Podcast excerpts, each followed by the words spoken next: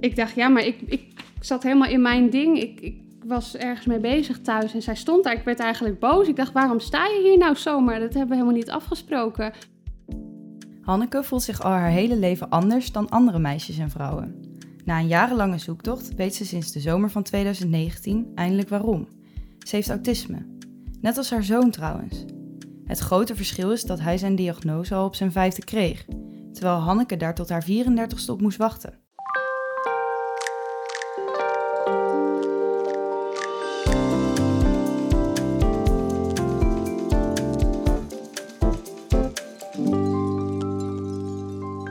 Welkom. Dankjewel. Fijn dat je vandaag met ons in gesprek wil. Voor mensen die eigenlijk niet zo goed weten wat autisme is, kan je dat eens uitleggen? Uh, nou, het, het is uh, vooral een uh, ja, stoornis in de informatieverwerking. Dus je, dat je dingen anders verwerkt, dat het anders binnenkomt. veel gevoelig zijn voor prikkels van geluid, geur, smaak. Noem het allemaal maar op. Tast ook. Ik hou er zelf ook helemaal niet van om aangeraakt te worden, onverwacht um, of verwacht. Um, sociale uh, interacties is, is vaak een, een issue bij autisme. Dus niet precies weten hoe je je moet gedragen in situaties. Um, nou ja, wat ook officieel een kenmerk is, soort repetitief gedrag. Of, of, of, dingen waar je een heel sterke focus op hebt, bijvoorbeeld. Nou, ik heb bijvoorbeeld een heel goed geheugen. Ik uh, kan telefoonnummers, wachtwoorden, codes. Ehm, ik heb ook een soort fascinatie voor nummerborden. Daar maak ik dan altijd nou ja, zinnetjes, verhaaltjes van. En die vallen me ook meteen op. Uh, dat, dat soort dingen. Je hebt op je 34ste te horen gekregen, officieel, dat je autisme hebt. Waarom heeft dat zo lang geduurd, denk je? Uh, nou ja, omdat het door zowel mij als mijn omgeving niet als zodanig werd herkend. Eigenlijk. En pas door de diagnose van mijn zoon uh, een paar jaar geleden ging ik er ook over nadenken uh, of dat voor mijzelf niet zou uh, kunnen gelden. Eigenlijk pas vanaf dat moment um, ja, ben ik erover na gaan denken. En in mijn jeugd was er überhaupt nog niet veel bekend over autisme bij meisjes, sowieso. Dus, en waarom zeg je met nadruk bij meisjes? nou ja, omdat autisme op zich al wel bekend was in die tijd, maar dan vooral bij jongens en mannen. En dat was een beetje het stereotype Rainman-beeld uh, uh, dat er was. Uh, maar dat meisjes ook autisme konden hebben. tenminste, dat, dat was niet zo heel bekend. En vooral niet op de manier, omdat er in autisme natuurlijk heel veel ja, uitingen zijn. zou je misschien alleen de extremen eruit halen. Waar, hè, dus de uh, gevallen waar, waarbij het heel erg duidelijk onmiskenbaar is. Of, uh, uh, maar niet de vorm die ik en heel veel andere meisjes en vrouwen hebben. En kan je daar iets meer over vertellen? Want wat, um, wat, wat hebben meisjes anders dan jongens met autisme? Nou ja, sowieso is het lastig om, uh, en dat kan ook niet om iets over iedereen in het algemeen te zeggen, omdat autisme zich bij iedereen anders uit. Dus zowel bij jongens als bij meisjes en dan ook nog eens onderling. Maar er is wel onderzoek gedaan, en ik ben geen expert zelf, maar ik heb er wel veel over gelezen, dat het zich over het algemeen bij meisjes en vrouwen ook wel anders uit. Kun je daar een voorbeeld van geven? Nou ja, bijvoorbeeld dat ik heel gevoelig ben voor prikkels. Um, en uh, bij mij is dat bijvoorbeeld uh, geur heel erg. Dus um, ja, ik, ik, vond als ik bij mijn ouders was, nou ja, allerlei gekke geurtjes. Ik was ook heel bang bijvoorbeeld voor dat, dat ik dan de geur van gas rook of zo. Ik had ook heel veel angsten. Um, maar ook, mijn ouders rookten allebei en ook nog in huis vroeger. Dat vond ik echt al van kind af aan echt verschrikkelijk. En mijn ouders vonden volgens mij dat ik me aanstelde, maar ik vond het echt, nou ja, echt heel erg, heel erg. Ook in de auto uh, dat ze rookten. Um, um, nou ja, dat soort dingen. En achteraf gezien ook drukte. Um, maar dat, dat herkende ik op dat moment niet. Dus het is meer dat ik achteraf terugdacht aan al die situaties. en het toen kon plaatsen eigenlijk ja, pas. Ja. ja. En je, je vertelde ons dat je je altijd anders hebt gevoeld. Al ja. eigenlijk vanaf heel jongs af aan. Ja. Um, vertel eens, wat, wat, ja, wat voelde je dan anders dan meisjes op school bijvoorbeeld? Um, nou, het kwam eigenlijk een beetje aan het eind van de basisschool dat ik me dat bewust werd. Want daarvoor was ik volgens mij gewoon een heel onbevangen kind. En deed ik gewoon, nou ja, zoals een kind doet. En ehm, ja, had ik zelf niet zoveel last van, van hoe ik was. En ik, ik, ik werd ook niet gepest of zo. En ik, ja, ik denk dat het op de basisschool ook nou ja, in de lagere groep ook bijna niet voorkomt dat kinderen elkaar automatisch accepteren. Want ja, iedereen is gewoon zoals die is. En pas later, toen ik ouder werd en ook toen uh, leeftijdsgenoten dus ook ouder waren, ja, toen merkte je de verschillen. En nou ja, die merkte ik zelf in dat dingen voor mij niet zo vanzelf gingen als voor anderen. Um, Zoals? Nou, uh, aan het eind van de basisschool of middelbare school begin je interesse te krijgen in jongens of in uh, bands. Maar ook, ik ja, wat bij anderen een soort van automatisch leek te gaan, um, was bij mij niet zo. Um, ja, ik vind het even lastig. Bijvoorbeeld uh, uitgaan. Op een gegeven moment kregen klasgenoten op de middelbare school de behoefte om uit te gaan. Nou, ik had die hele behoefte zelf niet. Dat ik dronk geen alcohol en ik vond het maar verschrikkelijk. Al die harde muziek en veel mensen. Uh, ik snapte daar helemaal niks van. Maar blijkbaar was er dus zo'n behoefte. Dus ik voelde me ook heel erg um, onbegrepen het was alsof ik niet hetzelfde automatisch voelde wat de rest blijkbaar om me heen wel had. En wat deed dat met jou? Uh, ja, dat maakte me heel erg onzeker. En ik voelde me ook heel lang heel slecht over mezelf. Want ik dacht ook, ah, ik ben nou ja, lelijk en ik... ik Je voelde dat er iets bij jou niet klopte. Ja. ja, omdat het inderdaad niet bij mij zo vanzelf ging als het bij anderen ging. En praatte je daarover? Nee. nee. Met niemand? Nee, met niemand. Ook je ouders niet? Nee ik, ik schreef wel een soort van in een dagboek. Dat was dan op de computer ook in die tijd al, had, had ik dat al. Dus eigenlijk alleen maar voor mezelf. Ik was heel erg in mezelf uh, gekeerd. En ja, mijn ouders zagen, denk ik wel, dat hebben ze later ook wel gezegd, dat, dat het niet goed met me ging. Of dat ze wel zagen dat ik niet lekker in mijn vel zat. Maar ik heb dat nooit met ze gedeeld of uitgesproken. En ze hebben ook nooit hulp voor je gezocht, bijvoorbeeld? Nee, nee. Ook omdat mijn ouders vanuit een hele goede intentie juist heel tolerant zijn. En echt mij gewoon altijd volledig hebben geaccepteerd zoals ik ben. Uh, en waarschijnlijk dus ook niet inzagen dat ik dus ongelukkig was. Of misschien wel hulp of steun nodig zou kunnen hebben. Uh, ja. Ik kan me voorstellen dat het ook heel onveilig moet hebben gevoeld. Dat je ja. altijd ja, je een soort buiten de groep voelt ja. staan. Ja, wat eigenlijk tot op de dag van vandaag een soort overheersend gevoel is, is dit normaal? Kan dit wel? Ik ben eigenlijk altijd alert, altijd bezig, altijd aan het nadenken. Wat moet ik doen? Uh, kan dit? Uh, en ik dacht lange tijd dat iedereen dat had, dat iedereen altijd zoveel nadacht. Maar nou ja, daar ben ik inmiddels achter dat dat niet zo is. En het is, dat is ook onveilig en um, ja, het, het kost heel veel energie, omdat je dus ja, blijkbaar niet automatisch je kunt gedragen zoals, uh, zoals anderen dat wel doen, zonder erover na te denken. Maar kan je dan alleen jezelf zijn als je alleen bent? Ja, of, of met gewoon familie en mensen die heel dicht bij me staan. Daar, daar kan ik wel echt helemaal volledig mezelf zijn. Ja. En, het kost dus ook heel veel energie, zeg je. Als je constant rekening moet houden en proberen in te schatten wat, wat mensen van je verwachten. Of ja. Eh, wat je moet doen in een bepaalde situatie. Ja, en of je niet per ongeluk iets fout doet, dat vooral. Want uh, ja, ik heb het zelf niet door als ik bijvoorbeeld te lang aan het woord ben. Of als ik iets bijvoorbeeld niet heb opgepakt of niet heb gezegd. Dat weet ik dan niet, dat ik dat niet heb gedaan. Dus uh, dat is het vermoeiende eraan. Ik heb ook wel contacten gehad die dan opeens verwaterden. En waarvan ik mezelf dan echt afvroeg, wat heb ik verkeerd gedaan? Wat, wat... En waarschijnlijk zit het er in dingen die ik niet heb gedaan. Maar dat is zo moeilijk, omdat je dat niet weet. Je weet niet wat je niet goed hebt gedaan. Dat, uh, ja. En dat gevoel werd erger op de middelbare school. Ja, ja, en daar werd ik ook echt wel gepest. En, um, en waarmee ja, pesten ze je dan? Ja, met, met het anders zijn, met dat ik er anders uitzag. Uh, ik had, uh, ik had niet echt hippe kleren aan en ik had een permanent toen. Dus scholden ze me uit voor schaap. En um, ja, ook omdat ik dus niet automatisch dezelfde dingen deed of meeging. Uh, ik ik zonderde, me de, zonderde me daardoor ook wel een beetje af. Ja, dus je was een makkelijk, makkelijk slachtoffer ook. En ik was ook nog eens... Ik leerde heel goed, maar dat was helemaal niet stoer natuurlijk op, uh, op school. En ja, ik heb het idee dat anderen dachten dat ik heel erg uh, mijn best deed en echt zo'n studiebol was. Maar dat was niet zo. Want ja, dat, het ging me gewoon goed af.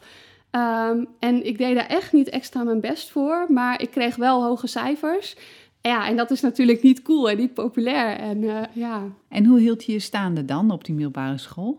Ehm, nou ja, eigenlijk door in andere werelden te vluchten, uh, in mijn eigen wereld. ik, heb nooit, ik heb me nooit verveeld met mezelf, want ik heb altijd een grote fantasie gehad. En ik speelde als kind ook alleen. En dat vonden mijn ouders ook heel fijn dat ik mezelf kon vermaken. Dus uh, ik maakte hele verhalen in mijn hoofd en uh, ik maakte ook liedjes en gedichten. Um, maar ook door bijvoorbeeld muziek te luisteren en boeken te lezen. Dus door ja, eigenlijk ook een soort van geestverwanten te ontdekken. Um, en andere werelden. Dus, dus niet uh, ja, een, beetje, een beetje vluchten eigenlijk van de werkelijkheid. En na de, de middelbare school ben je gaan studeren? Ja. Werd het toen beter? Nou ja, want ik uh, ging uh, journalistiek doen in Zwolle. En dat vond ik heel fijn, want daar ontdekte ik ook uh, geestverwanten en, en, mensen die ook echt bewust diezelfde studie hadden gekozen, uh, omdat ze geïnteresseerd waren in de wereld. En nou ja, die stonden een beetje hetzelfde in het leven als ik. En dat, dat vond ik er heel fijn aan. Uh, ja. Had je inmiddels um, bedacht dat er um, echt iets anders was aan jou? Ja, dat gevoel heb ik altijd wel gehad. Ehm, maar het ging er nooit over of zo. Ik, heb het idee dat er nu misschien veel meer aandacht voor is. Misschien ook op scholen of zo. Dat, dat, je dan een soort van herkenning... of dat je dan überhaupt denkt... oh, het kan dus blijkbaar. Ik weet alleen nog dat we op de basisschool hadden we een boekje... Anna is dik. En dat ging dan over een dik meisje. Dat was het enige wat ik me echt kan herinneren. Maar dat ging niet over andere uh, aandoeningen of ziektes. Dus ja, het was ook gewoon zoals het was. En ik was mezelf dat helemaal niet zo bewust maar ook toen je eh, ging studeren, toen kwam het niet in je op om uh, hulp te gaan zoeken, bijvoorbeeld? Nou ja, dat heb ik uiteindelijk wel gedaan. Uh, ook omdat ik me inderdaad gewoon niet lekker in mijn vel voelde. Dat eigenlijk voelde ik me toen vooral heel erg neerslachtig en down en heel erg onzeker en niet tevreden met mezelf. Ik ben naar de studentenpsycholoog gegaan. En dat was eigenlijk al meteen aan het begin van mijn studietijd. En dat, ja, dat heeft me wel uh, inzichten opgeleverd, maar niet, het ging verder niet over, mijn, over mogelijk autisme of zo, maar meer over die onzekerheid. En, en hielp dat dan wel? En zelfbeeld. Het hielp wel, want het was bijvoorbeeld uh, studentenpsycholoog uh, en we zaten in een groep, dus het was een soort groepstherapie met andere studenten. Dat was super eng, maar aan de andere kant ook weer fijn, want je leert ook weer van anderen. En deze psycholoog die maakte ons heel erg bewust van ons lichaam. Dus we kregen ook allemaal oefeningen die lichaamsgericht waren. En dat hielp mij wel, want tot dan toe was ik me überhaupt niet bewust van mijn lichaam en gezondheid. En was ik vooral eigenlijk alleen maar in mijn hoofd bezig. Dus dat heeft me wel uh, dingen opgeleverd. Om ja, te kijken hoe ik me voelde. Dan moest je gewoon gaan zitten en je ogen dicht doen en zeggen hoe je je voelde lichamelijk. Dat, dat soort dingen hebben wel geholpen. Ja. Om wat meer uit je hoofd te komen en wat meer in contact met je lichaam. Ja, maar niet dat ik dat vervolgens uh, elk moment van de dag deed. Maar het heeft me wel ja, een inzicht opgeleverd. Ja. En uh, na je studie ging je aan het werk. Mhm. Dan kom je ongetwijfeld weer allerlei nieuwe uh, sociale uitdagingen tegen. Ja, eigenlijk was dat een soort van de grootste ja, schok ja, ten opzichte van ja, als je leert of studeert of naar school gaat, is het nog een soort van veilige wereld. En ja, het ging me ook goed af. Ik vond het leuk. En het ging. Je vast ook. Ja, en het ging ook om de inhoud. Het ging om de resultaten. En je kon iets leren en dan had je dat geleerd en dan was het af en dan kreeg je een cijfer. Dat was heel goed en duidelijk. Duidelijk, ja. En makkelijk. Maar um, op het werk, ik ging uh, bij uh, de overheid werken, daar ging het eigenlijk helemaal niet ja, uh, in eerste instantie om de inhoud. Het ging ook vooral om de interactie en om kantoorpolitiek. En ja, doe jij wat voor mij, doe ik wat voor jou. Dat hele spel, dat kende ik gewoon niet. En um, ik weet nog wel dat we een, een tijdschrift hadden en uh, ik had journalistiek gestudeerd en ik kon schrijven. En dat, dat ging zo anders dan hoe ik dat had geleerd. En dat snapte ik gewoon niet, want... Um, en, en toen ging ik er nog tegenin met argumenten en met dingen die ik, die, waarvan ik dacht, ja, maar dat is toch logisch dat het zo is. Maar dat had dus veel meer te maken met een soort politiek spel uh, dan met, uh, ja, met, met puur inhoud alleen. Maar dat was hartstikke moeilijk voor jou dan. Ja, ja, en het was ook nog een, een open kantooromgeving. Zo'n beruchte kantoortuin, ja. Ja, precies. Dus dat, maar het gekke is ook dat ik dat op dat moment gewoon niet zo door had. Maar pas toen ik daar uiteindelijk weg was, na negen jaar, dat ik merkte hoe, hoe, um, hoe zwaar dat was geweest. Ik was ook na mijn werk altijd moe. Als ik dan om vijf uur, zes uur uit mijn werk kwam, was ik, kon ik eigenlijk niks meer.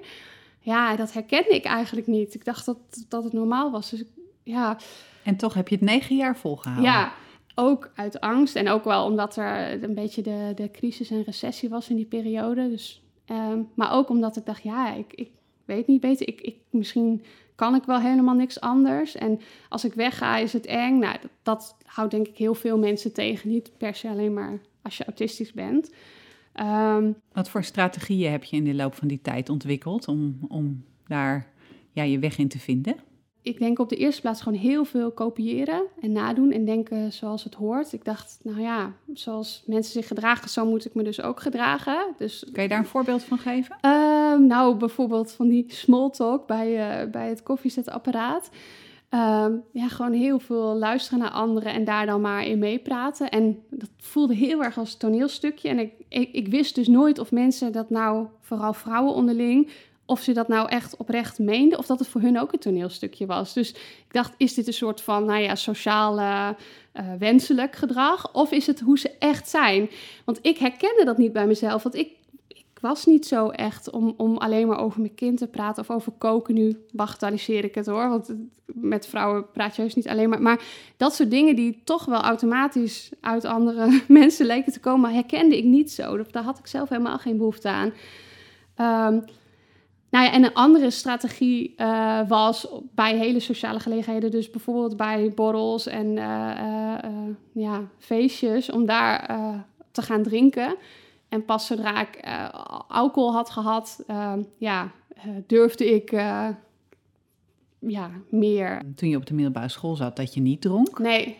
Dus dat, dat ben je echt gaan doen als een, als een soort copingstrategie. Ja ja. om met die, die sociale situaties om te kunnen gaan. Ja, want ik, ik was zelfs als kind heel erg fel anti-alcohol en drugs. Ik, ik was heel erg rigide daarin.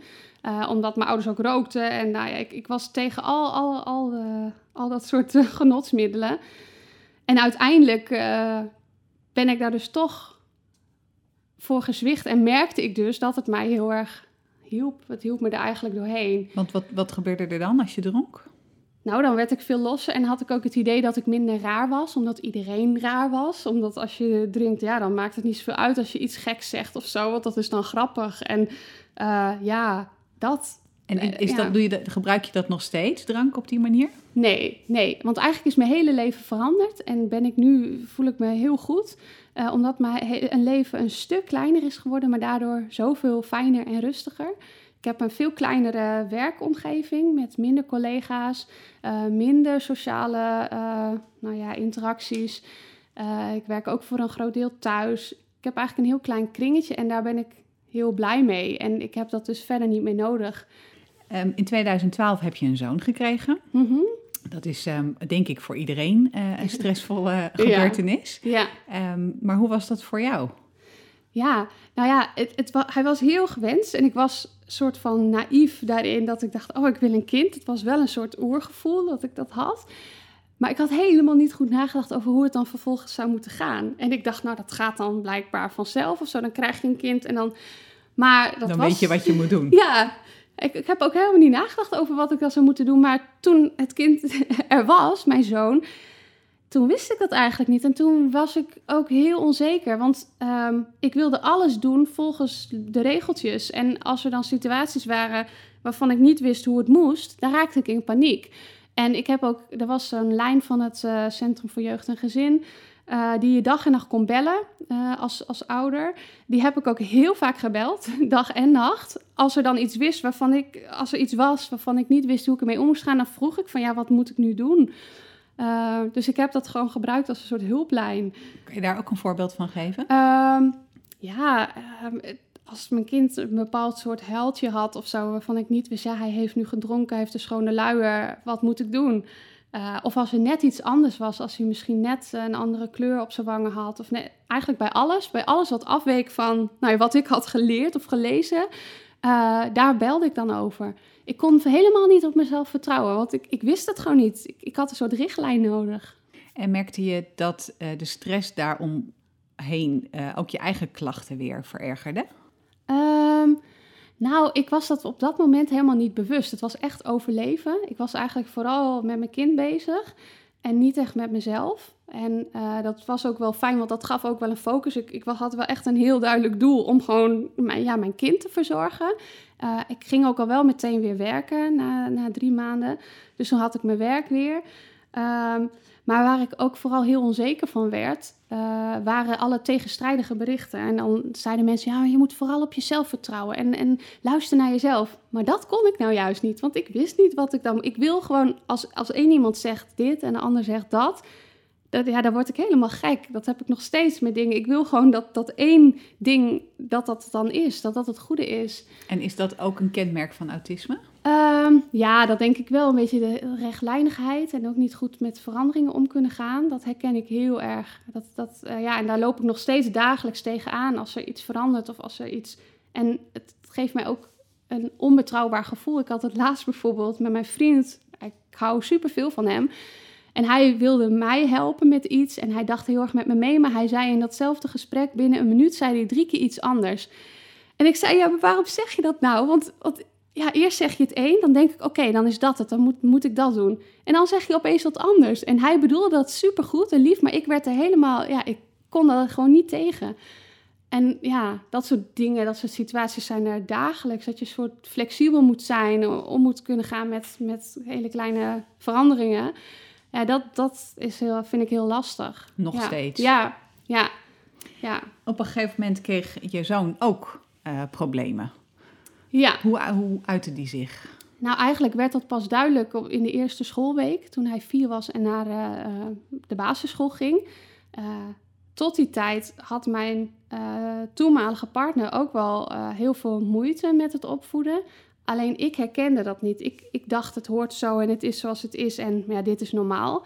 Um, maar op de basisschool, in de eerste week, kregen wij meteen van de uh, juf te horen dat hij zich, uh, nou ja, niet goed gedroeg of anders gedroeg. Wat deed hij bijvoorbeeld? Nou ja, hij werd uh, echt agressief. Hij werd heel boos. hij krabde en hij beet en ehm, ja, dat. En dat was eigenlijk vooral heel, heel veel angst zat eronder. Maar ja, ja, wij wisten het allemaal niet, wat, wat het nou precies was. En, uh, en toen werd de hulpverlening ingeschakeld? Ja, eigenlijk al heel snel ging een soort heel circuit om ons heen. En uh, met de intern begeleider, met een schoolmaatschappelijk werker en met een uh, orthopedagoog. En allerlei middelen werden ingezet. En, ehm, en het resultaat daarvan was? Nou, dat hij uiteindelijk naar het speciaal onderwijs ging, al, al meteen op zijn nou, vierde, vijfde. Had hij toen ehm, ook al een diagnose? Nou ja, dat moest, dat was wel nodig voor dat speciaal onderwijs. Dus de diagnose was er nog niet meteen, maar toen was hij nog maar vier. Hij heeft toen wel een intelligentietest uh, gedaan. Um, en daar kwam uit dat hij een disharmonisch intelligentieprofiel heeft. En dat uh, heeft ermee te maken dat je, uh, nou ja, je hebt verbaal en performaal. En dat ligt zo ver uit elkaar uh, en dat is heel vaak ook bij mensen met autisme een kenmerk. Dus hij had dus nog geen officiële autisme-diagnose, maar daaraan konden ze al wel zien dat er wel een heel grote kans was dat het zo was. Hij heeft bijvoorbeeld ook een heel goed ruimtelijk inzicht. Uh, hij kan heel goed handelen, bouwen, maar hij kan minder goed uh, dat benoemen en dat verwoorden en dat dus ook herkennen bij zichzelf. Dus daar zit een heel groot verschil in. En als het verschil op een bepaalde mate is, ja, dan is dat heel lastig, omdat je dan dus ja, anders uh, reageert. Dus je hebt vooral heel veel last van je eigen hersenen. Ja, ook een conflict in jezelf. Ja, ja. En wanneer kreeg hij uiteindelijk dan het label autisme? Ja, nou in, in november kreeg hij, uh, die, was die intelligentietest en in maart was dan de autisme-diagnose. Dus het was nog wel vrij... Uh, en vanaf februari ging hij al naar het speciaal onderwijs. En wat dus dacht je toen, toen je dat hoorde, dat hij officieel autisme had? Nou ja, het was ook weer heel fijn, omdat het een bevestiging was. En ook van, nou, er is nu iets duidelijk. Want wij dachten ook, ja, als hij zo agressief is... We hadden allemaal dingen gelezen van misschien uh, is hij wel psychopathisch... of uh, je had dan ODD en allerlei enge dingen. Dat we dachten, shit, wat, wat moeten we daarmee? Maar uiteindelijk was het niet het gedrag. Hij deed het niet. Hij had er geen plezier in om mensen pijn te doen. Maar het was echt een uiting van onmacht. En uh, dus we waren heel blij dat we duidelijkheid hadden, ook al op zo'n jonge leeftijd. Maar goed, uh, vanaf dat moment ging ik ook wel naar mezelf kijken en denken van... hé, hey, ik herken wel heel veel. En het feit dat autisme erfelijk is, nou, waar zou die dat dan vandaan moeten hebben? Uh, ja. En toen... ging je denken, hmm, misschien heb ik dat ook. Ja, ja. En wat ben je daarmee gaan doen met die gedachten? Ja, toen ben ik daar heel veel informatie over gaan opzoeken. En dat, uh, ja, dat bevestigde eigenlijk voor mezelf al heel veel. Um, en toen uiteindelijk viel ik ook uit op mijn werk, omdat het uh, allemaal heel heftig was. Omdat mijn zoon inmiddels niet meer naar school ging, maar hij kon ook nog niet naar uh, het speciaal onderwijs. Dus hij heeft een tijd thuis gezeten. Toen heb ik zorgverlof gehad. Nou, en toen werd het mij te veel, ook omdat er op mijn werk heel veel veranderingen waren. Uh, dus ben ik uitgevallen en toen werd ik naar een psycholoog gestuurd voor een burn-out. Um, maar eigenlijk, toen moest ik ook allerlei vragenlijsten invullen kwam eruit dat het niet alleen maar een burn-out was. Dat er gewoon heel veel andere dingen uh, speelden. En ik, ik, had het voor me, ik had mezelf ook voorgenomen, nu ga ik echt goed aan mezelf werken. En nu, nu hè, alles waar ik al een hele tijd mee loop, wil ik nu echt eens goed. En toen ben ik dus naar de GGZ eh, doorverwezen uiteindelijk. En daar in behandeling gekomen. Zonder een, een diagnose officieel. Die, die, was mij niet verteld. Dat was heel apart gegaan heb je dat zelf wel aangekaart? Heb je, heb je gevraagd van, goh, ik denk dat ik autisme heb, zou dat kunnen? Ja, dat had ik wel gedaan. En, um, en wat zeiden ze toen? Nou, daar, zeiden ze eigenlijk niks over. Dat was het gekke. Het was een, een intake van anderhalf uur. En na die intake ging ik meteen gesprekken in, maar er, er, werd niks gezegd. En ik durfde dat eigenlijk niet te vragen. Want ook weer van, ja, wat is normaal? Kun je dit? Is het gepast? Uh, heb ik iets gemist ergens? Of, uh, dus dat durfde ik niet tot mijn behandelaar, of degene met wie ik die gesprek had, op een gegeven moment zei ja, als je nog vragen hebt, mag je best nog eens een keer of een second opinion of gesprek hebben. Heb ik toen gehad met de psychiater. En toen heb ik echt concreet voorgelegd dat ik aan autisme eh, denk en allerlei. Ik had een soort van argumentenlijstje. Ik, had al heel veel opgezocht, juist bij uh, meisjes en vrouwen met autisme.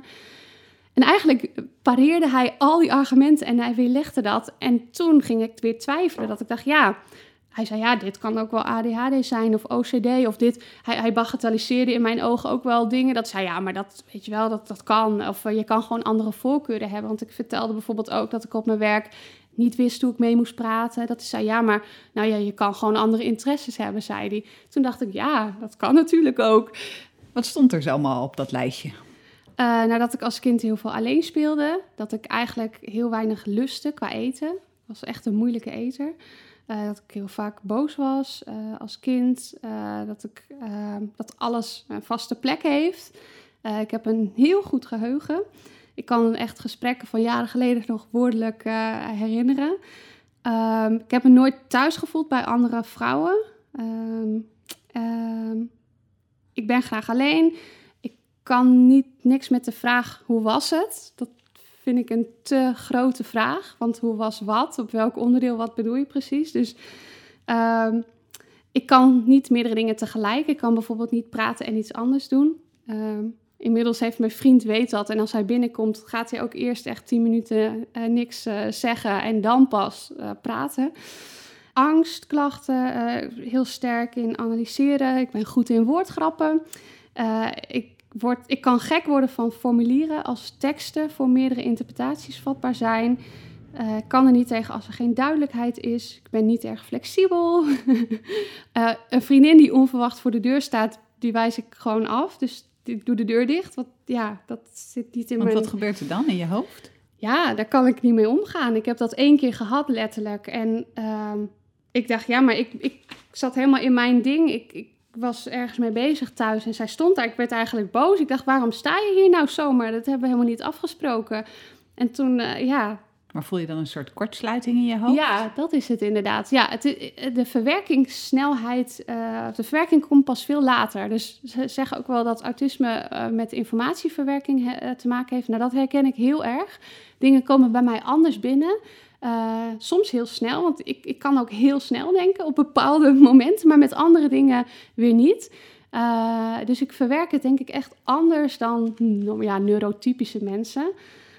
Uh, en, en onverwachte dingen, ja, dat heeft daarmee te maken. Ja. En je had dit lijstje heb je gemaakt um, na, ook nadat je heel veel informatie zelf had verzameld over nou, ja, ja. de kenmerken van autisme, wat het is, hoe vaak het voorkomt, et cetera. Ja.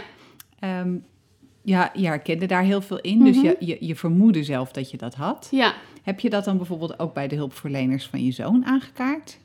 Nee, gek genoeg niet. En dat was eigenlijk uit angst, omdat ik ehm, bang was dat als, als ik ook iets zou hebben, dat, dat, uh, dat ze mij dan niet meer serieus zouden nemen uh, als ouder. Dat ze dan dachten, ja, maar die heeft zelf hulp nodig, of, uh, of dat komt nu niet aan, of ja, dat is misschien niet verstandig of niet veilig voor die zoon als die ook nog een moeder heeft. ja, dus, dus, dus eigenlijk uit angst. En ik had ook ergens gelezen, want we hadden op een gegeven moment begeleiding thuis voor onze zoon. En daar had ik gelezen dat als een ouder ook psychische stoornis had, dat dan die begeleiding niet kon plaatsvinden. Dus dat ik dacht, ja nee, maar dan, dan mag ik gewoon niks zeggen, want uh, ja. Dus die psychiater, die uiteindelijk alles probeerde te weerleggen, dat was eigenlijk de eerste naar wie je het uitsprak, ja. het vermoeden dat je dacht, oh, ik heb het zelf ook. Ja, want ik had het zelf niet tegen mijn partner destijds uh, gezegd, omdat ik daar zelf ook bang voor was. Ik dacht ook dat hij mij daardoor zou veroordelen. En ik had ook wel een schuldgevoel, want ik dacht van ja, door mij is mijn zoon autistisch. En niet dat ik dat zelf erg vind, want ik, ik accepteer hem volledig voor die is en mijn partner ook. Maar toch, dat ik dacht, ja, maar door mij komt dat, doordat er nu zoveel moeilijkheden zijn. En dat heb ik dan mijn partner ook aangedaan. Ja, dat, dat speelde ook wel, uh, wel Was het niet heel eenzaam? Uh, ja, ja, ja, ja, ja. Want je, je kon eigenlijk niemand in vertrouwen nemen. Nee, en ook omdat ik dat niet gewend was. Want ik ben altijd een Einzelganger geweest. En daar had ik ook wel gewoon me in berust. En dat was ook wel fijn. Want het is ook, uh, wat, wat ik ook eng vind in sociaal contact... is ook weer als, als mensen andere dingen kunnen zeggen... Uh, als je alleen maar in je eigen hoofd bezig bent... is dat tenminste veilig en vertrouwd. Dus ja, dat is het ook. Uh, en ook de wederkerigheid. Ik, ik weet nooit zo goed, dat heeft niet met desinteresse te maken. Maar ik weet niet tot hoe ver ik kan gaan bij een ander. Of hoe lang ik door kan gaan. Of wat een soort normale grens is. Ik heb dat bijvoorbeeld ook op social media. Ben ik vooral aan het liken, maar niet aan het interacteren. Omdat ik niet weet, ja, hoe, ja omdat het mij heel veel energie kost. Um, dus, en die psychiater, die uh, was eigenlijk dus de eerste die je dat toevertrouwde, dat vermoeden. En die schoof het meteen aan de kant. Ja, ja. ja. En dat lijkt me heel, heel pijnlijk op dat moment. Ja, op dat moment ja, ervoor ik dat toch niet zo. Want ik had gewoon heel veel respect voor die psychiater. Dat ik dacht, ja, hij heeft weet ik veel hoeveel jaar daarvoor gestudeerd. Waarschijnlijk ziet hij dat gewoon goed en heb ik het blijkbaar mis. Ook al herkende ik al die dingen. ik, ik had zelfs wel zoiets dat ik dacht, ja, voor mezelf weet ik het wel. Ik ben het gewoon, ook al zegt hij dat niet zo had ik op een gegeven moment ook. En op zich, die gesprekken waren best fijn. Dus ik dacht ook, nou ja, ja. Ik... Maar je dacht waarschijnlijk ook, als dat het niet is, wat is het dan wel? Ja, nou ja, inderdaad. En op een gegeven moment kwam toch mijn, uh, de verpleegkundige met wie ik de gesprekken had, uh, terug bij mij. Dat, dat op basis van de dingen die ik had verteld in onze gesprekken, dat ze zei, nou ja, we hebben toch wel een vermoeden in het team, want ze hadden mij dan ook besproken. Um, nou ja, dat, dat het toch misschien wel herkenmerk van autisme zijn. Toen kwam er ook een nieuwe psychiater bij dat team en toen heb ik daar een gesprek mee gehad. En eigenlijk was dat een soort heel eye-opener, want ik was er op dat moment voor mezelf helemaal niet meer mee bezig. Ik had inmiddels echt al een heel aantal maanden gesprekken. Dat autisme was een beetje op de achtergrond geraakt. Um, en toen opeens, omdat zij daarmee kwamen, was het voor mij ja, onverwacht ook. Maar opeens was die psychiater heel erg serieus en dat ze echt allerlei dingen vroeg aan mij. En dat ze zei, ja, maar dit zou echt best wel heel goed kunnen.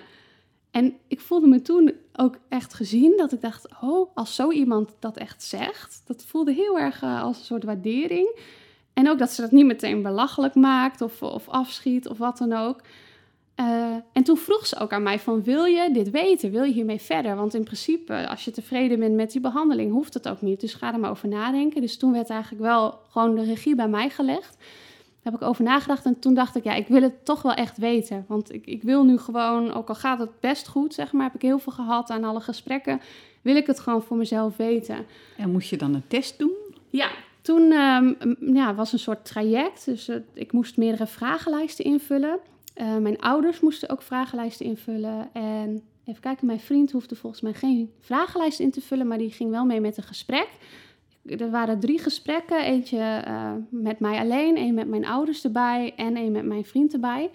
En op basis van al die informatie bij elkaar, ik moest ook mijn uh, oude schoolrapporten moest ik, uh, inleveren. Omdat daar ook informatie over mij als kind in stond. Nou, en op basis van al die informatie kwam officieel de diagnose eruit. ik heb hem hier voor me liggen. En um, ja, dat, dat, dat was echt de bevestiging. Dat was een soort van mijn, mijn certificaat ja, en jij was er eigenlijk heel blij mee. Ja. Ik zie je ook blij worden als je erover praat. ja. Ja, nee, dat, het was heel... Omdat ik eigenlijk op dat moment al niet meer twijfelde. Omdat ik toen dat traject dus in was gegaan. En ook die vragen, er kwamen zoveel dingen in naar voren... waarvan ik dacht, ja, uh, nou ja, dit klopt. En ook omdat het dus serieus werd genomen... door inmiddels meerdere hulpverleners. Want ik had met weer iemand anders een dat, dat hele behandel... of dat uh, diagnosetraject.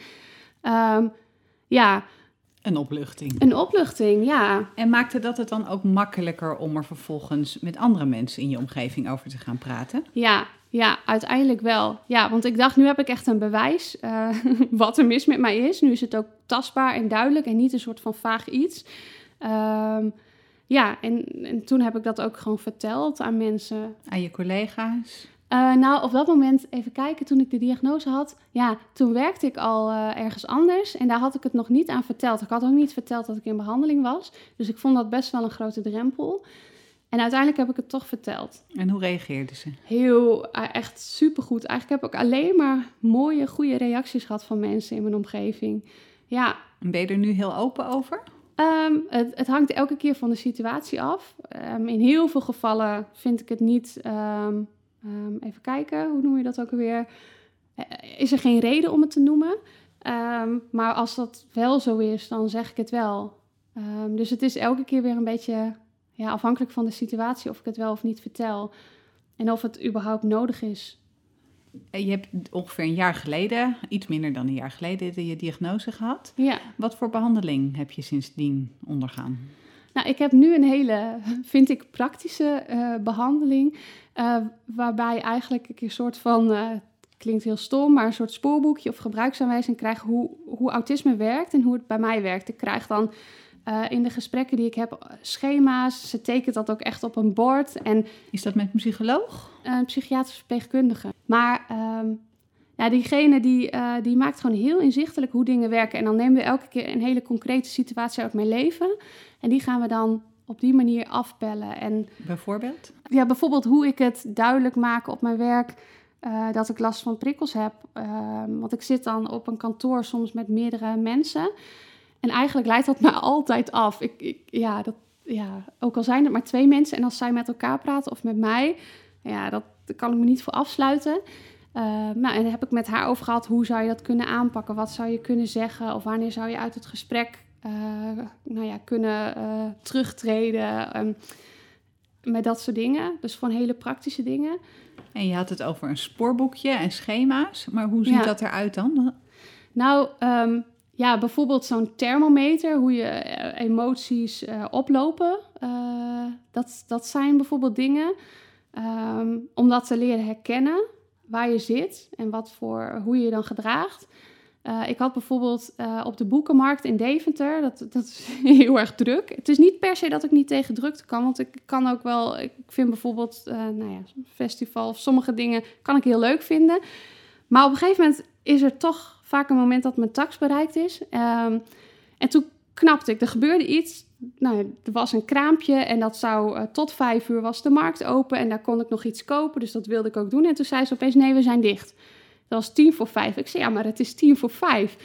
Ja, nee, we zijn dicht. Nou, toen werd ik zo boos en toen uh, ben ik gewoon echt weggerend. Dat is echt nog maar een jaar geleden, dus op mijn 34ste.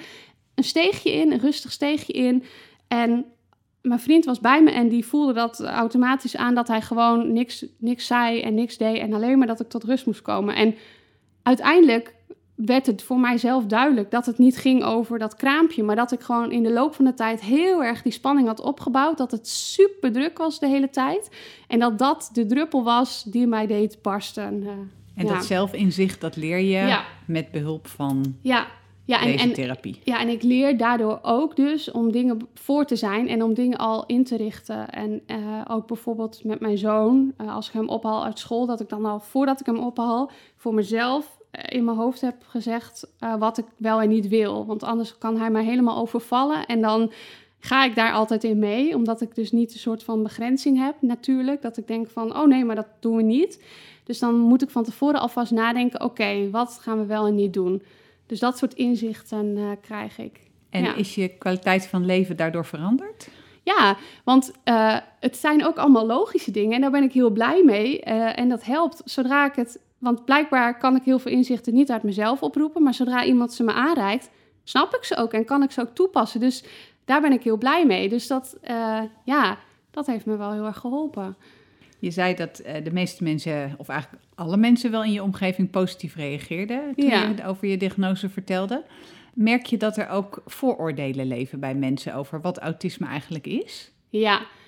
ja wat bijvoorbeeld? Um, nou ja, dat mensen bijvoorbeeld denken dat je niet empathisch bent uh, of, of, weinig gevoel hebt.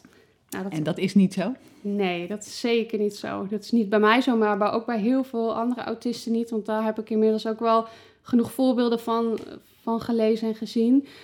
Uh, het, het uitzicht alleen anders. Ik zal niet meteen een arm om je heen slaan, omdat ik dat eigenlijk heel ongepast vind. Want ik zou niet mezelf aan iemand willen opdringen. Uh, maar ik kan me wel heel erg uh, inleven en meeleven met, met die persoon als iemand uh, verdriet heeft of zo. Soms is het zo heftig. Mijn zoon bijvoorbeeld ook. Hij is autistisch, maar hij kan dingen kunnen hem echt heel diep raken. Als er bijvoorbeeld een dier leidt of als ik mij stoot of zo. Of uh, ja, alleen uh, ja, je uit je dan misschien niet zo op de manier zoals, uh, zoals het wordt verwacht of zoals het standaard is. Ja, dus dat is echt een misverstand. Ja. Dat mensen met autisme minder gevoel zouden ja. hebben. Ja. Zijn er nog andere vooroordelen waar je wel eens tegenaan loopt? Eigenlijk loop ik er niet zozeer tegenaan. Maar dat is ook wel wat mij dus een beetje tegenhoudt om er heel erg open over te zijn. Juist een beetje die angst dat mensen me gaan veroordelen. Dat ik iets niet aan kan bijvoorbeeld. Of dat het te veel voor me is. Um, dat, daar ben ik heel bang voor. En dat klopt voor een deel wel, omdat uh, dat was ook een van die dingen die op mijn lijstje stond. Had ik ergens gelezen, dat herkende ik heel erg bij mezelf. Het is een soort spanning constant tussen overvraagd worden en verveling. Uh, en dat herken ik heel erg. Ik kan op, een, op één dag kan ik uh, heel weinig hebben en kan ik niks aan. En op een andere dag kan ik echt, uh, nou weet ik veel, tien dingen doen. Um, dat is het steeds. Dus ik, ik zou ook, soms denk ik, oh, ik zou gewoon alleen maar, weet ik veel wat, aan de lopende band willen werken. maar dat hebben heel veel mensen misschien wel. Maar um, ja, dat is het eigenlijk. Dat, dat gaat constant door. En dat heeft met van alles te maken, met energie en prikkels. Um, maar er is dus niet, ja, dat, dat is voor een ander denk ik heel moeilijk te begrijpen. Want daardoor stel je natuurlijk ook kwetsbaar op. Ik ben ook uh, voor een gedeelte ZZP'er. En je wil natuurlijk niet dat opdrachtgevers bang zijn of iets wel lukt of niet. Um, ja, dus, dus, wat dat betreft ben je voorzichtig. Ja, ja. Hoe is het nu met je zoon? Op zich goed. ja, het, het wisselt altijd. Kijk, uh, nu, hij heeft natuurlijk heel veel last gehad met alle veranderingen, met corona en op school en met begeleiding. En hij heeft dan ook nog. Hij is nu acht, toch? Ja, ja dus hij heeft eigenlijk continu uh, nabijheid nodig. En ondertiteling noemen ze dat dan in het uh, autisme-jargon. Iets wat ik zeg maar als kind gewoon ook denk ik heel erg heb gemist. Dat, een soort duiding. Ja, dat situaties worden geduid gewoon, maar hij heeft dat eigenlijk constant nodig. Dus uh, hij kan al van hele kleine dingen, bijvoorbeeld in een lesboek of zo, als, hij, als dat niet logisch voor hem is, helemaal ja, ontregeld raken. Dus de wereld is continu onveilig eigenlijk voor hem. Um, ja, en daar, uh, daar is het elke keer een beetje een zoektocht in van, ja, uh, wat, dus, wat dan goed voor hem is. Ja. Heb je zelf ook nog dingen van hem geleerd over je eigen autisme? Nou ja, ja, door hem heb ik heel veel dingen herkend. Uh, vooral eigenlijk. Hij is wel een soort spiegel ook voor jou. Ja, maar eigenlijk um, vooral door het oordeel van anderen. En dat bedoel ik niet per se negatief, maar doordat het andere opviel, dus doordat de juf het opviel, um, werd het voor mij duidelijk dat het dus blijkbaar iets geks was. Want ik had dat uit mezelf niet gezien. Um, dus ja. ja, want je zei ook eerder dat je zijn gedrag eigenlijk helemaal niet zo raar vond. Nee, nee. En wij moesten als ouders voor hem destijds ook allerlei vragenlijsten invullen. En die van mij weken echt heel erg af dan van die van mijn partner en de professionals. Omdat ik dus die dingen gewoon niet op die manier zag en herkende. Uh, dus het is ook, autisme heeft ook te maken met hoe de buitenwereld dingen ziet en wat, wat zij wel en niet vinden kunnen. Want eigenlijk heb je er zelf voor jezelf niet veel last van. Uh, want je doet het gewoon op je eigen manier, zoals jij gewend bent. Maar vaak um, past dat niet of, of botst dat met ja, hoe de maatschappij is ingericht of hoe anderen verwachten uh, dat je het moet doen. Maar de spiegel die hij jou voorhoudt, die leert je ook over jezelf. Uh, ja, nou, dat vind ik eigenlijk wel een lastige vraag. Want wat, ik weet niet zo goed wat het, wat, wat het mij leert als spiegel. Um, ik herken wel heel veel in hem. Um, maar ik weet niet zo goed ja, wat ik daar als spiegel aan, uh, aan leer of zo. Hoe gaat het nu met jou? Ja, eigenlijk heel goed. Uh, ja, we zitten nu in de coronatijd. En dat vind ik eigenlijk ideaal. Ik, ik, ik zit de hele dag binnen. Ik ga elke dag een uurtje wandelen. Maar dat vind ik echt heel fijn. Ik kan het helemaal indelen zoals ik zelf wil. Ik heb weinig prikkels. Um, videobellen vind ik niet zo fijn. Omdat er vooral heel vaak vertraging op zit. En dan het voelt heel onnatuurlijk. Maar verder vind ik het echt ideaal om, om alleen te zijn. En heel veel rust. Ik, uh, ja... Dus met mij gaat het heel goed. In de omstandigheden heel goed. Ja, ja we noemden net al een aantal ehm, negatieve dingen die mensen uh, ja, vaak aan autisme verbinden. Mhm. Maar zijn er ook voordelen aan autisme hebben? Uh, ja, vind ik wel, zeker. zoals ik al eerder zei, ik heb een heel goed geheugen. Nou, dat vind ik heel fijn. Uh, want heel vaak als mensen iets vragen, oh, hoe heet die en die of wat, dan weet ik dat meteen. en ik kan ook gewoon dingen terughalen van wat er bijvoorbeeld eerder is afgesproken. Dat, dat weet ik dan gewoon nog.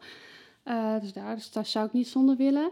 Um, nou ja, en ik ben ook heel creatief. Um, dat vind ik ook een groot voordeel. Um, en dat heeft denk ik ook te maken met uh, nou ja, een soort van coping- of overlevingsstrategie. Omdat ik uh, niet goed weet wat normaal is of wat hoort. Uh, kan ik allerlei uh, invalshoeken bedenken van hoe het misschien zou horen. Dus dat heb ik allemaal paraat in mijn hoofd om in te zetten. Dus eh, waar iemand anders daar helemaal niet over nadenkt en denkt van, ja, ik doe dit gewoon omdat het zo hoort of omdat ik dat gewoon zo voel, uh, heb ik dus ook nog tien andere mogelijke wegen in mijn hoofd zitten. En ja, dat, dat is op zich heel goed, omdat je dan dus op een andere manier, een soort van out of the box, naar dingen kan kijken. En voor mij is ook heel weinig raar. Ik heb ook een heel soort, uh, hoe noem je dat? Uh, ik ben heel open-minded. En dat merk ik ook bij andere autisten. Uh, omdat ik, ik veroordeel dingen niet snel, omdat het voor mij, omdat ik, ja, niks is voor mij raar of abnormaal. Omdat er niet echt een normaal is. Dus um, ja, dat, dat, uh, dat vind ik ook een voordeel, omdat ik daardoor heel weinig oordelend ben. Uh. En heb je tot slot uh, nog tips voor mensen die mm. zelf autisme hebben, misschien net de diagnose hebben gekregen of die vermoeden dat ze het hebben? Um, nou ja, um, zoek informatie op of ga op zoek naar, naar andere personen die daar heel open over zijn. Bijvoorbeeld op Twitter of op, op, nou ja, op, op internet. Dus, dus zoek vooral naar informatie. En als je er zelf, um, ja, ik heb dat zelf dus heel lang niet gedaan, maar zoek ook hulp en wees niet bang en, en spreek je uit. Of, of neem iemand in vertrouwen. Uh, het is niet gek. En ook al komt er uiteindelijk uit dat je niet autistisch bent, dat is ook niet gek. Want um, ja, jij hebt die vraag en het is, uh, het is, je hebt alle recht om dat te onderzoeken. Zijn er bepaalde rolmodellen aan wie jij heel veel hebt gehad? Uh, ja, vooral uh, vrouwen, jonge vrouwen met autisme, zoals uh, Bianca Toeps en Annelien Blom of Judith Visser. die ja, zijn heel open over hun autisme. Bianca Toeps heeft ook een boek over geschreven en ja, Judith Visser trouwens ook. En dat heeft mij heel erg geholpen, heel veel herkenning. Dat je niet alleen bent. Nee, nee. En dat het ook op een andere manier dus zich uit dan, uh, dat dan toch een beetje het stereotype beeld is, wat ik ook heel lang had. Uh, het is vaak niet zichtbaar aan de buitenkant. Uh, haar, het boek van Bianca Toeps heet ook, maar je ziet er helemaal niet autistisch uit. En dat klopt, want mensen kunnen dat niet aan mij zien. Ehm, omdat het vooral in mijn hoofd zit. Ehm, en ik krop heel veel op en ik heb er vooral zelf last van. En ik heb bijvoorbeeld heel vaak echt enorme paniek en stress als iets anders loopt of als ik, als ik een opdracht moet doen. En, maar dat zit allemaal in mijzelf. En alleen mijn vriend weet dat en mijn ouders. Maar de buitenwereld ziet er niks van. Want uh, daar kan ik me helemaal gedragen zoals het hoort, zeg maar. Um, dus het, ja, het zit, uh, het zit vooral heel erg in mijn hoofd en ik heb er zelf last van. Ja. En ik ben nog niet zo geëmancipeerd dat ik dat ook durf er te laten zijn en dat te laten zien aan anderen. Omdat ik nog niet die acceptatie voel, zeg maar, in de maatschappij dat dat ook mag, dat dat kan. Wat, is, wat zou er nodig zijn om je daar helemaal vrij in te laten voelen? Poeh, ja, dat heeft echt uh, met een cultuuromslag te maken en met dat de samenleving uh, toleranter wordt in dat opzicht. En er gebeuren al superveel goede dingen, maar dat heeft eigenlijk met heel veel emancipatiebewegingen te maken. Uh, als je kijkt naar mensen met een beperking, op welk gebied dan ook, vrouwen of mensen die, die een andere huidskleur hebben dan zeg maar standaard in Nederland. Ja, daar is nog heel veel in te winnen, maar daar gebeuren ook al heel veel goede dingen. En dat, ja, acceptatie van mensen met autisme valt daar ook onder. Ja. Waar zie je jezelf over vijf jaar? Uh, ja, ik heb niet echt, wat dat betreft heb ik niet echt een doel. En ik zie mezelf ook niet echt zo in een soort plaatje als autist. Um, dus ja, ik, um, het komt zoals het komt, zeg maar. giet zoals het giet, zeggen ze in Drenthe. En uh, ja, daar ben ik eigenlijk wel blij mee. Dus uh, ja, ik, ja, autisme is een onderdeel van mij, maar uh, het, het uh, overheerst niet alles wat ik doe of wat ik ben. Ehm, ik ben gewoon zoals ik ben. En autisme heeft voor mijzelf heel veel verklaard, waar ik heel blij mee ben. Maar ik, ik hoef me daar niet per se zo mee te profileren naar buiten toe, alsof ik dat alleen maar ben. Het is gewoon een onderdeel. Ja. Dankjewel. Alsjeblieft.